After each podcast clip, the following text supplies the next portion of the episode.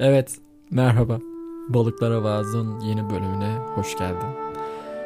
Bugün aslında benim için önemli ve anlamlı bir gün. Çünkü ormanda yürüyüşe çıkalı tam bir yıl oluyor. Bir yıl. Yani muazzam bir şey ya.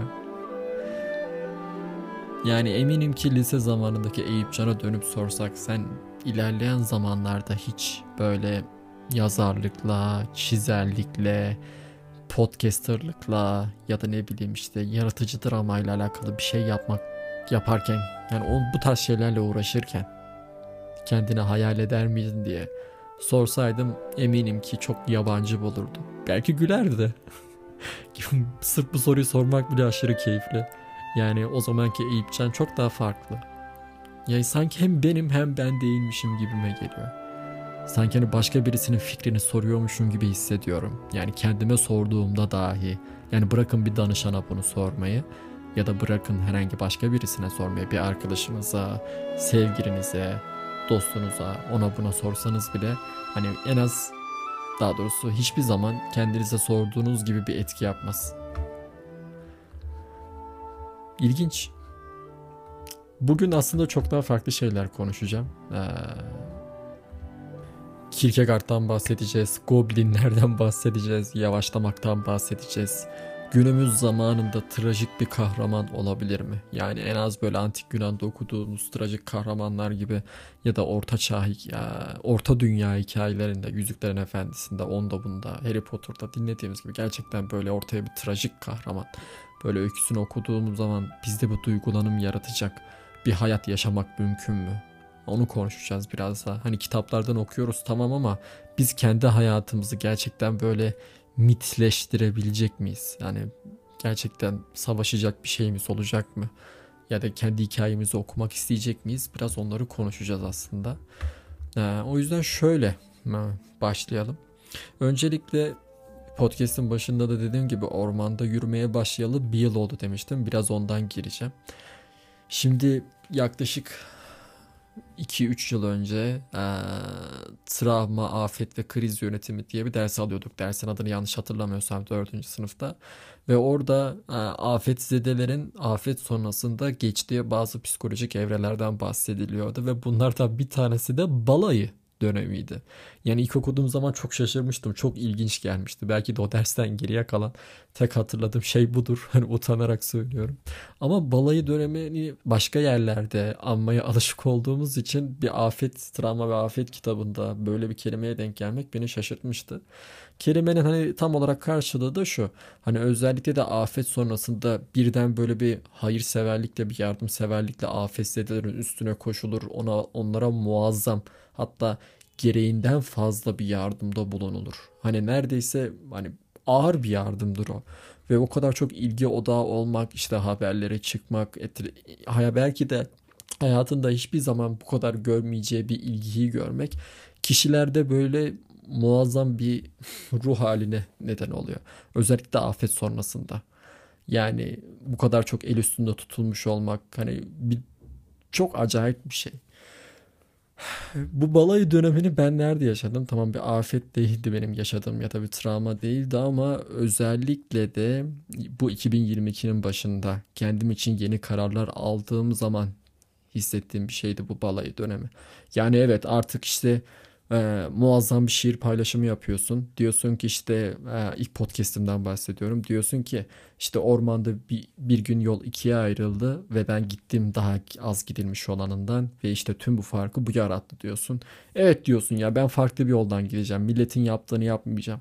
İşte hani direkt koşa koşa PDR'den yüksek lisans yapmayacağım. Koşa koşa işte şunu yapmayacağım, işe girmeyeceğim, bunu yapmayacağım, şunu yapmayacağım. İşte şöyle ideallerim var, böyle hedeflerim var. Tamam, tamam güzel ama sonra şey geliyor. E yani ne olacak sonra? Hani tamam kararı aldın. Marjinalliğini duyurdun. itiraf ettin. Herkese de söyledin.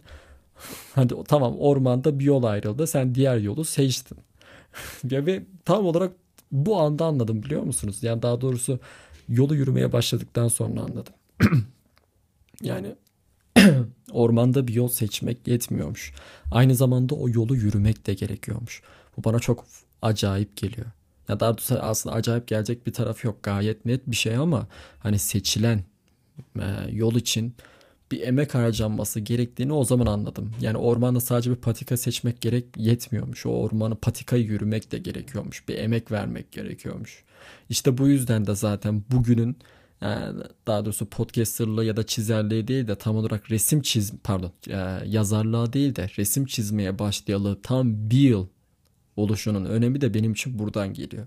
Yani bir yıl boyunca ormanın içindeyim. Yani hala da yürüyorum. Yeni teknikler keşfetmeye çalışıyorum. Tonla o çizim kurslarına özellikle de hani yüz yüze değil de online kurslara para yatırmışımdır. Kimisine daha yüz açıp yüzüne bile bakmadım. Kimisini dibine kadar izledim. Bir şeyler öğrendim. Sonra koşa koşa hemen hızlıca denip Instagram'a sizlerle Instagram'a attım. Sizlerle paylaştım. Ama hani gerçekten bir hani öyle ya da böyle bir emek varmış onu anladım. Belki bazı teknikleri izleseydim veya başkalarının dediklerini yapsaydım daha hızlı ilerlerdim. Ki podcast'in ilerleyen kısımlarında bu hızlanma veya yavaşlama meselesine de değineceğiz. Daha hızlı ilerlerdim ama hani en azından kendi seçtiğim bir yolda ilerlemiş olmak benim için harika bir şey. Ve bunu harika kılan kısım şu. Bence Ferhat Jacques İçöz'ün o e, kendin olmanın dayanılmaz hafifliği kitabında da değindiği gibi kendi sınırımızı bazen biz kendimiz çiziyoruz. Mesela diyoruz ki işte ben şundan hoşlanırım, şundan hoşlanmam. Şu tarz şeyleri yapmaktan hoşlanırım. Atıyorum mesela yazmaktan hoşlanırım ama çizime yeteneğim yoktur. Çizimden hoşlanırım ama kesinlikle e, sporla alakam yoktur. Ya da işte tiyatroya gitmeyi severim ama sinemayla alakam yoktur. Sinemayı severim ama ne bileyim hikingle aram yoktur falan. Yani ki ya da hep böyle beğeni üstünden değil de sevip sevmeme, beğenip beğenmeme, kendin için faydalı bulmama konusunda kendimize dair muğlak sınırlarımız var. Yani içeriden bize karşı net ve sert duvarlarla örülmüş, örülmüş ama tuğlanın ham maddesi çok muğlak. Niye böyle söylüyorum? Çünkü çok katı sınırlar aynı zamanda bizim için. Hani bu sınırın dışına çıkmak istemiyoruz. Kendimizi şimdiye kadar nasıl tanımladıysak bundan sonra da öyle olacağımızı zannediyoruz. Yani hep böyle gideceğiz. Hep bunu yapacağız. Hep şu anda ne yapıyorsak ya da nasıl bir hale sahipsek bundan sonra da hep sonsuza kadar onu devam ettireceğiz zannediyoruz. Ama öyle olmuyor. Öyle olmuyor. Yani şeylerimiz değişiyor, düşüncelerimiz değişiyor, karşılaştığımız insanlar değişiyor, okuduklarımız, izlediklerimiz değişiyor. Ya bize dair birçok şey değişirken zaten aynı kalmadığımız için bence bir yandan da şükretmeliyiz. Ama buradaki gizem, o mystery kısmı şurada. Yani hiç yapmayacağım şeyi yaparken insanın kendini yakalaması Zweig'ın değişiyle. Gerçi Zweig diye Schweig diye mi okunuyormuş neymiş tam bilmiyorum ama onun değişiri insanın kendini yak yakalaması bir şey yaparken. Özellikle hiç yapmayacağım dediği bir şey yaparken. Mesela çok biraz uzak örnek olacak belki bir kişi baş, başkaları için veya çoğu kişi için ama çizime başlarken hep şey demiştim. Nasıl olsa anatomi bilmiyorum, insan çizemiyorum. Ben de o zaman işte landscape yani işte manzara resimleri çizeceğim. Nasıl olsa işte dağ taş çizmek daha kolaydır herhalde diye düşünüp Hani geç böyle bir düşünce yoktu da e, alttan alta böyle bir şey işliyordu sanırım. Daha kolaydır deyip onları çizmeye başlamıştım ve çizdiğim manzaraların altına bir hikaye yazıyordum. İşte bu manzarada aslında şunu anlatmak istedim, bunu anlatmak istedim falan diye. Fakat yaklaşık bir dört baş öncesine kadar eskiz defteri, eskiz defteri falan almakla birlikte bir baktım karakter çizmeye başlıyorum. Pinterest'im karakter anatomik fotoğraflarıyla falan dolu. Hani hatta insan çiz ilk başta insan çizmeye çalışıyordum ama sonra daha kolay olur diye robot çizmeye başladım. Çünkü insanınki kadar eğimde bükümde çizmesi falan zor değil diye düşünmüştüm. Hani kare, dikdörtgen hani biraz da perspektif bilirsem kıvırırım diye düşünmüştüm ama o da o kadar kolay değilmiş. Ama çok garip gelmişti bana mesela. Yani hiç yapmayacağım. Yani ömrümün sonuna kadar bir daha da hiç karaktere değinmem, hiç girmek istemem demediğim şeyi birden yaparken, yapar halde ve hatta çevre manzaraları pardon manzara resimlerinin altına koyduğum hikayelerden daha derin hikayeler yazmaya çalışırken buldum kendimi. O yüzden gerçekten insan ne oldum dememeli, ne olacağım da dememeli bence. Çünkü çok garip. Yani sürekli değişiyoruz. Sürekli yönelimlerimiz değişiyor. Hedeflerimiz değişiyor. Mesela yıl başında işte yıl başında demişim pardon. 2022'nin başında işte hani yüksek lisans tercihimi PDR'den değil başka bir bölümden yapmak istedim. Ona yöneldim. memnunum da entelektüel olarak beni besliyor da yani başka bir bölümde olma başka bir bölümde değil de sırf yaratıcı dramada olduğum için de mutluyum. Ama şu sıralar aklım o kadar çok çizimle meşgul ki hani başka bir şey düşünmüyorum. Hani diyorum ki keşke hani bundan paramı kazansam da sadece çizsem, yazsam, etsem, hikayesini yazsam, çizsem ve geçimimi bununla sağlasam.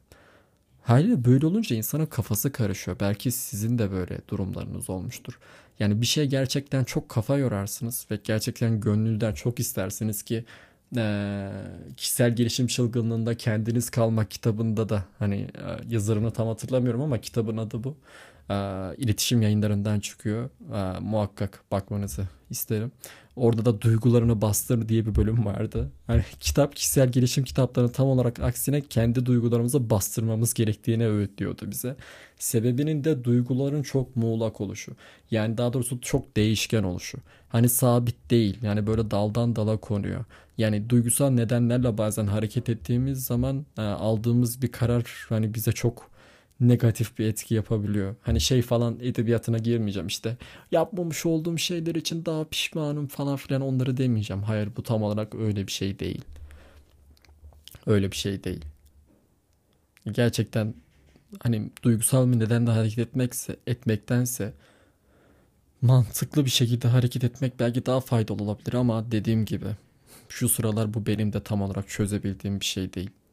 Yani hem duygusal hem mantığı bir arada barındırmak çok zor geliyor. Hani hatta bu kadar bazen oturup şey diyorum onca kitap okuduktan sonra ya iyi güzel hani böyle tanımlıyoruz şöyle tanımlıyoruz kendimizi de hani bu kadar çok değişkenken kendimiz hakkında nasıl bu kadar kesin hükümler verebiliyoruz? Hani kim olduğumuzdan nasıl bu kadar eminiz? Çünkü o kadar çok değişiyor ki fikirlerimiz, düşüncelerimiz.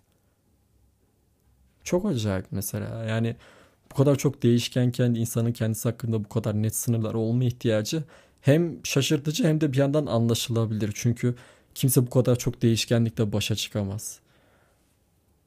Gerçekten bu kadar çok değişken hani genel olarak sabitlikten hoşlanırız. Hani alıştığımız yerler bize daha e, sağlıklı gelir. Yani kötü bile olsa ki zararlı alışkanlıkların olayı da budur aslında bir şekilde hani iyi hissettiriyorsa, ait hissettiriyorsa, alışkan hani bir tanışıklık varsa, aşinalık varsa o işin içinde hani onu yapmaya devam ediyoruz. Aşina olduğumuz yerlere geri dönmeye çalışıyoruz. Kendimizi güvenli alanında hissetmek için hani onları yapmaya çalışıyoruz ki Bingöl'e askerliğe gittiğim zaman da ilk yaptığım şey buydu. Valizimi yerleştirdim. Havlumu asacağım çıkaracağım yeri dolabıma. Benim ağlayasım geldi mesela. Çok sinirim bozulmuştu çünkü birden Samsun ve Ankara gibi bir yerden sonra birden zınk diye böyle Bingöl'ün içine düşünce. Sonrasında başka bir şey mi çıkarıp asasım geldi. As, asacaktım gene ağlayasım geldi. Dedim ki bu böyle olmaz. Benim şalteri kapatıp uyumam gerekiyor. Ve uyuyup kalktıktan sonra evde ne yapıyorsam onu yapmaya başladım. Bakın hani cümlenin asıl kısmı şu. Evde ne yapıyorsam onu yapmaya başladım. Atıyorum telefonumdan açtım işte anime izledim. Dostoyevski hakkında makaleler okudum. Yanımda 4-5 kitap getirmiştim. Onları okudum. Ve muazzam iyi gelmişti bana. Yani o şekilde toparlamıştım birden kendimi doğuda buluşumu. Gerçi doğu olması çok önemli değil ama hani alışamadığım bir yerde buluşumu evde yaptığım, hali hazırda yapmaya devam ettiğim şeyleri yaparak aşmaya çalıştım ve asıl şaşırtıcı kısmı söyleyeyim mi? Ben bunları karantina odasındayken yaptım ve karantina bittikten sonra dahi sırf orada kendimi iyileştirdiğim ve kendime iyi geldiğim için hala karantinadan çıkmamış bir arkadaşımı bahane ederek tekrardan karantina bölgesine gitmeye çalışıyordum. Bu çok acayip bir şey mesela. Yani iş buraya kadar varabiliyor. Hani sağlığınızı riske atacak kadar hani alışık olduğunuz, kendinizi iyi hissettiğiniz bir yere dönmek iste isteyebiliyorsunuz. Bu çok acayip bir şey. Biraz hızlı konuşunca nefes nefese kaldım. Şimdi hani dedik ya e, ikinci bölüme geçelim şimdi. E, kim olduğumuzdan nasıl bu kadar eminiz diye. Geçenlerde Instagram'da bir videoya denk geldim. Mesela o çok hoşuma gitti. Mesela bir insanın karşısına geçip ona kim olduğunu soruyorsunuz. O size adını ve soyadınızı söylüyor. Mesela işte siz bana sordunuz adın ne diye ben Eyüpcan ve Işık dedim Eyüpcan Işık. Ama videodaki adam diyor ki hayır bu sen değilsin. Bu senin an- annene babanın sana verdiği bir isim. Ya da diyorsun ki işte ben öğretmenim, ben şuyum, ben buyum. Hani eee, mesleğinle tanıtıyorsun kendini, ne yaptığını da tanıtıyorsun. Şimdi hepimizin girip Instagram biyografilerine bakalım. Buna ben de dahilim. Ne yaptıysak, ne okuduysak kendimizi profilimizi ziyaret edecek bir başkası için o tarz bilgilerle hani ya, tanıtıyoruz. Kendimizin ne yapmak istediğini söyleyen kişi çok fazla yoktur herhalde ya. Biyo, biyografisine ben mesela şöyle bir tanım gördünüz mü herhangi birisinin Instagram biyografisinde? İşte ben işte entelektüel bir arzunun peşinde koşan ve bunun için her şeyi paramı işte e, maddi manevi bütün kaynaklarımı harcamaya hevesli entelektüellik peşinde koşan bir insanı falan yazan birisi var mı? Ya da ne bileyim işte spor benim için bir tutkudur işte şunu yapmaya çalışırım bunu yapmaya çalışırım. Ya da böyle işte tiyatro dilinden konuşacak olursak ben sadece bir aydınlanma peşinde yürüyen bir aksiyonum. Aydınlık ayaklarla falan filan diye. Hani böyle kendimizi bir eylem olarak ya da akış halindeki bir şey olarak değil de net bize verileli ah, bizim bize konalı yaklaşık 25 30 40 45 yıl olmuş isimle kendimizi tanıtıyor olmak. Şu an çok garip geldi böyle söyleyince de. Hani kendimizi bize verileli 25 30 35 yıl olmuş bir isimle kendimizi tanıtıyoruz. Hani şey mi yani buradan şey mi çıkaralım? O zaman isimlerimiz güncellensin falan. Hayır, öyle bir şey değil tabii ki de. Ama hani neye yönelimli olduğumuzu ya da neye yöneldiğimizi, ne yapmak istediğimizi söylemektense hali hazırda yaptıklarımızı söylüyor olmak ya da geçmişimize dair kendimizi tanıtırken geçmişi, geçmişimize dair veriler kullanarak bu işi yapmaya çalışmak biraz garip. Geçmiş, gelecek ve zaman üzerine konuşmuşken de e, Kierkegaard'dan bir e, mesele paylaşacağım. Bu podcast biraz daldan dala atlıyor gibi olacak kusura bakmayın. Notlarımı da aldım normalde ama ee, yine de kafam biraz karışık ama gene de genel olarak sohbetler nasılsa biraz da öyle olsa güzel olur sanki. Yani sohbetlerimiz de mesela planlı değildir bazı arkadaşlarımızla ama öyle güzel sohbet yaparız ki hemen hemen her o kaliteli sohbetin içinde hani şey geçer ya. Kanka şimdi kayda basacağız muazzam bir podcast çekeceğiz falan deriz ya. Aynı onun gibi böyle daldan dal atladığımız sohbetlerin de ayrı bir tadı oluyor. Umarım bu podcast de öyle olur. Şimdi ben bu anlatacağım mesele Kierkegaard'un bir kitabında okumuştum. Kitabın adını hatırlamıyorum ama mesele net bir şekilde hatırlıyorum. Bir kalede e, kaçırdığı prensesi korumakla görevli bir e, goblin var. Bir yaratık. Onun başında her gün bekliyor. işte yemeğini veriyor, suyunu veriyor ama çok fazla başından ayrılmıyor. Hatta hiç ayrılmıyor. Çünkü hani prensesin zeki ve zeki olduğunu ve her an kaleden kaçmak için sadece kısa bir süreliğine Goblin'in gözlerini kapatmış olması gerektiğine ihtiyacı olduğunu biliyor Goblin. Fakat bir gün yemeğe çok fazla kaçırmış olan Goblin midesin gurultusuyla birlikte sandalyede sallanıp sallanıp dururken yavaş yavaş gözleri kapanmaya başlıyor. Her ne kadar dirense de etse de yüzünü yıkamaya falan çalışsa da ayık kalmak için en sonunda gözleri kapanıyor. Ve sadece 3-4 saniyelik bir kapanma bu.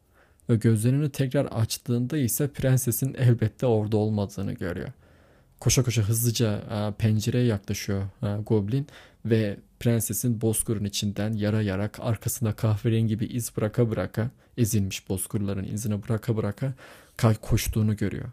Hemen Almancasını tam hatırlamıyorum ama Türkçesi rüzgar botları olan botlarını giyiyor Goblin.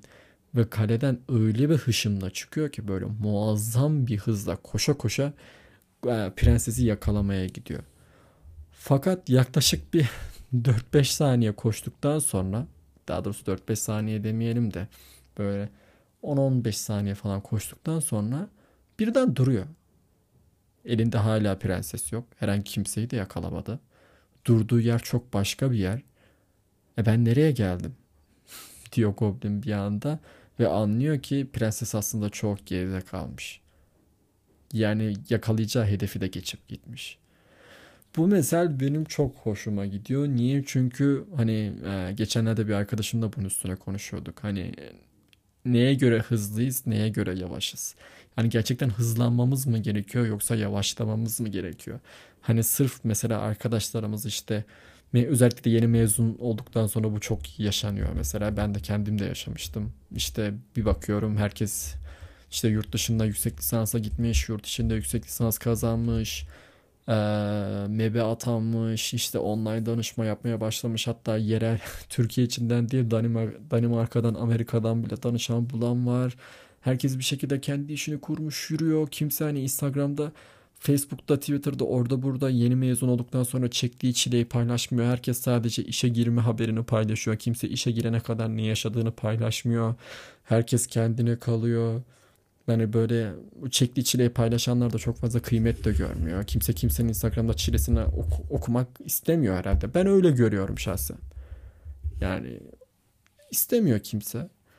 O yüzden hani e, insanın kafası karışıyor. Ben mi geride kaldım, ben mi yavaşladım diye. O yüzden bu da böyle durumlarda aslında bu mesele hatırlamak bence bize yardımcı olabilir diye düşünüyorum. Yani hızlansaydık ne olacaktı? Mesela 2022'nin başında sürekli ALES kitabının başına oturuyordum ama böyle o kadar saçma geliyordu ki matematik soruları. Ben diyorum ki ben niye bununla uğraşıyorum? Başka bir şey yapmamalıyım diyordum ve ne zaman çizmeye başladıysam kafamın içindeki o gürültü dindi. Yani ne yapacağım, ne yapacağım, ne edeceğim gibi sorular hani tamamen susmasa da belli bir süreliğine seslerini kestiler. Yani kafamın içinde bir dinginlik hakim oldu. Çizerken kafa, hani kafam daha rahattı. Daha suskundu. Öyle söyleyeyim. Hani eğer ben de o zamanlar hızlanmış olsaydım geç kaldığım hissiyle o zaman belki de bir şeyleri ıskalayacaktım o Goblin gibi. Prensesi kaçıracaktım. Ya daha doğrusu prensesi ıskalayacaktım. Hedeflerimi göremeyecektim. Belki yüksek lisansa yılın başında başlasaydım çok daha afallayacaktım. Bir yandan kafamın içinde şey soruları olacaktı. Ya aslında çizime başlasaydım da iyi olurdu. Ya aslında kodlamaya başlasaydım iyi olurdu. Ya aslında bir işe de başlasaydım bir yandan iyi olurdu. Yüksek lisansa para yetişirdi diyebilirdim. Ama demek ki her şeyin bir şekilde kendi zamanında olması gerekiyormuş. Zaten hani bunu yeteri kadar Instagram'daki böyle entelektüel paylaşım yapan sayfalardan görmüşsünüzdür ama gerçekten de herkes kendi hızında ilerliyor. Podcast'i bitirirken son olarak bir şey isteyeceğim sizden. Normalde böyle şeyler istendiği zaman kimse yapmaz ama ben gerçekten gönül olarak bunu sizden istiyor olacağım. Şimdi lütfen gözlerinizi kapatın. Çünkü çünkü size küçük bir aslında canlandırma yapmak istiyorum. Sizin gözünüzde, hayal dünyanızda bir şeyleri canlandırmak istiyorum. Şimdi kendinizi bir bozkırda hayal edin. Bozkırın orta yerinde uyuyorsunuz. Bir tarlanın içinde. Bir boz, hani bir- sanki bir Çehov ya da bir Dostoyevski romanından fırlama bir bozkır olsun bu. Uyanıyorsunuz, kafanızın üstünde tarla kuşları geçiyor. Masmavi bir gök. Sadece hani uyandıktan sonra bile yerinizden kalkmak istemiyorsunuz. Böyle ortalıkta bıcır bıcır kuş sesleri gelirken ve bulutlar böyle sakin bir şekilde göç ederken gökyüzünde. Masmavi bir gökyüzünün içinde. O an hatta ağlayasınız geliyor. Diyor, diyorsunuz ki keşke sadece şu an burada olsam. Başka aklımda hiçbir şey olmasa. Ama yine de daha fazla olduğunuz yerde durmak istemiyorsunuz. Çünkü yapılması gereken şeyler, gidilmesi gereken yollar olduğunu düşünüyorsunuz ve kalkıyorsunuz. Sonra yavaş yavaş yürümeye başlıyorsunuz. Acıktığınızı ve susadığınızı hissediyorsunuz ve gördüğünüz ilk böyle kocamış bir çınar ağacının altına kendinizi bırakıyorsunuz. Orada yanınıza aldığınız inciri, peyniri, ekmeği, üzümü yiyip içerken doyuyorsunuz ve yavaş yavaş uyuşmaya başlıyorsunuz. Daha doğrusu hani artık mideniz o kadar çok güç tüketiyor ki sizden artık yavaş yavaş mayışıyorsunuz ve gözünüz kapanmaya başlıyor. Daha rahat bir yatış pozisyonu için sırtınızı ağaca verip kafanızı ağacın dallarına doğru kaldırdığınız anda dallara tutunmuş 4-5 tane yarasanın size baktığını görüyorsunuz. 4-5 tane yarasa. Karanlığın içinden bal rengi, kara bal rengi, iki çiftler gözler, 3 4 5 çift göz e, size doğru bakıyor. İşte bu canlandırma benim tam olarak kafamın içinde benden habersiz bir şekilde konakladığını anladığım obsesif düşünceleri temsil ediyor.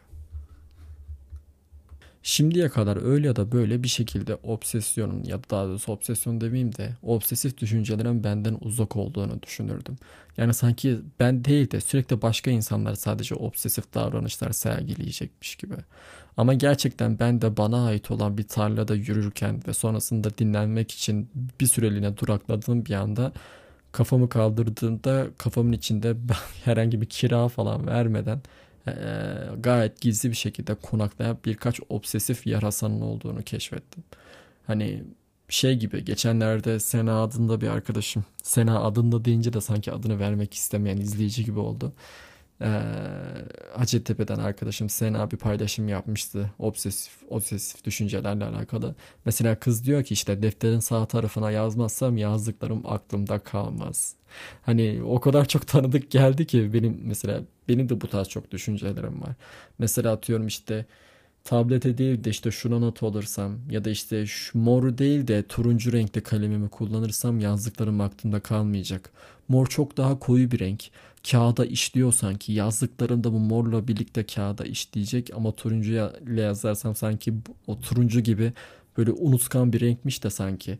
Hani buharlaşıp gidecekmiş gibi düşünüyorum. Mesela böyle söyleyince de garip geliyor biraz ama gerçekten böyle durumlar yaşıyoruz hemen hemen hepimiz. Mesela işte namaz kılıyorsunuz, secdeden kalkacaksınız, dua ediyorsunuz. İşte şu duayı da söyleyip kalkarsam iyi bir Müslüman olarak kalkacağım secceden, se, seccene, seccadeden falan. Ya da ne bileyim işte e, şunu yaparsam şöyle bir insan olacağım. Şunu yapmazsam başıma şu gelir. İşte şöyle olursa ben iyi bir insanım, böyle ol, olursa ben kötü bir insanım. Hani o kadar çok var ki aslında hiç susmuyorlar.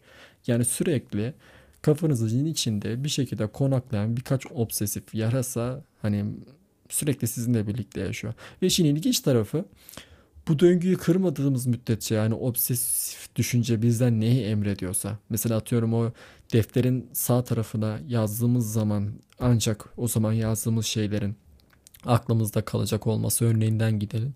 Hani mesela sağ tarafa yazmaya devam edersek obsesif bir sevinç yani sevinç belki çok daha canlı bir ifade oldu ama obsesif bir doyum belki daha doğru bir karşılık olur. Obsesif bir doyum elde ediyoruz ama işin ilginç kısmı hani e, bu aslında patolojik bir doyum aynı zamanda. Çünkü hani bir kez o döngüyü tekrar ettirdiğimizde onu yaptığımızda aynı şey bir sonrakinde de olacak. Bir sonrakinde de, bir sonrakinde de, bir sonrakinde de ve bir süre sonra bunu alışkanlık haline getirdiğimiz için bu alışkanlık bir davranış olacak artık. Kazanılmış bir davranış. O davranışı yerine getirmediğin zaman bu sefer kendimizi rahatsız hissedeceğiz. Hani sanki yanlış bir şey yapıyormuşuz gibi. Mesela özellikle o defter örneğinden tekrar dönecek olursa hani e, diyelim ki o gün sağ tarafa değil de sol tarafa yazdınız ve gün içerisinde işte ne bileyim AVM'ye gittiniz, oraya gittiniz, buraya gittiniz. Oturdunuz yemeğinize, burgerınızı yiyorsunuz ve birden aklınıza bugün bu sabah ne çalıştığınız ve defterinize ne yazdığınız geldi. Ve hatırlamaya çalışınca hatırlayamadınız, fark ettiniz ve sonrasında birden kafanızın içindeki başıboş bir yarasa, bir obsesif bir yarasa size bunun e, sırf sağ tarafa yazmadığınız için başına başınıza böyle bir şey geldiğini söyleyebilir ve o anda kafanızın içinde tekrardan ona hak verirseniz bu döngü tekrardan başa sarıyor. Hani şey çok güzel bir kelime aslında İngilizce'de loop, L O O P. Hani ortadaki o işaretin hatta böyle hatta böyle sonsuz döngü şeklinde yapan tasarımcılar da olmuştu. Yani gerçekten öyle loop, tekrar tekrar başa saran bir loop, bir döngü. Onu biz kırmadığımız müddetçe her şey sürekli tekrar edecek. O yüzden bugünlerde üstüne çalıştığım şey tam olarak bu. Hani zihinsel bir mesai yapıyorum bunun üstüne. Mesela ne zaman aklıma böyle bir şey gelse onun tam tersini yapmaya çalışıyorum. Tam tersini. Çünkü aksini yapmazsam o yarasalar bir şekilde orada konaklamaya devam edecek. Hani bu obsesif düşüncenin kaynağı nedir? Bence hani tam olarak bir şey kendimizi yetkin hissetmiyorsak ya da o konuda kendimizi yeterli bulmuyorsak bence bir şey yapabilmek için, kendimize bir şey ispatlayabilmek için bunu yapıyoruz ama böyle koltuk değnekleriyle yürüyen bir özgüven elde edebiliriz ancak bundan. Hani evet ben bunu yapabilmeye muktedirim. Evet ben iyi bir insanım. İşte evet ben derslerimi iyi çalışıyorum. Evet böyle yapınca hafızamda daha iyi kalıyor deyince gerçekten o başta söylediğim gibi koltuk değnekleriyle yürüyen çürük ve değneksiz bir e, doyum, değneksiz bir inanç elde ediyoruz. Başka hiçbir şeyimize yaramıyor çünkü. O yüzden bu podcast'i bitirirken sizden ricam özellikle de sizin de zaten hali sırada bu düşünce üstüne çalışıyorsunuz biraz ama şey zaten ama hani daha farkında olarak bununla baş etmeniz. Çünkü ne zaman ki obsesif düşüncenin, o obsesif yarasanın bizden istediğini yapsak döngü başa saracak.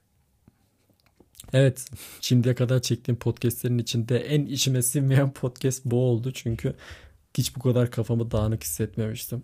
Ama ona rağmen hani verimli oldu diye düşünmek istiyorum.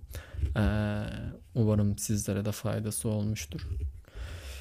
Evet, bugünlük balıklara vaaz bu kadar. Sah bir sonraki gün ya da bir sonraki sahil buluşmasında görüşmek üzere.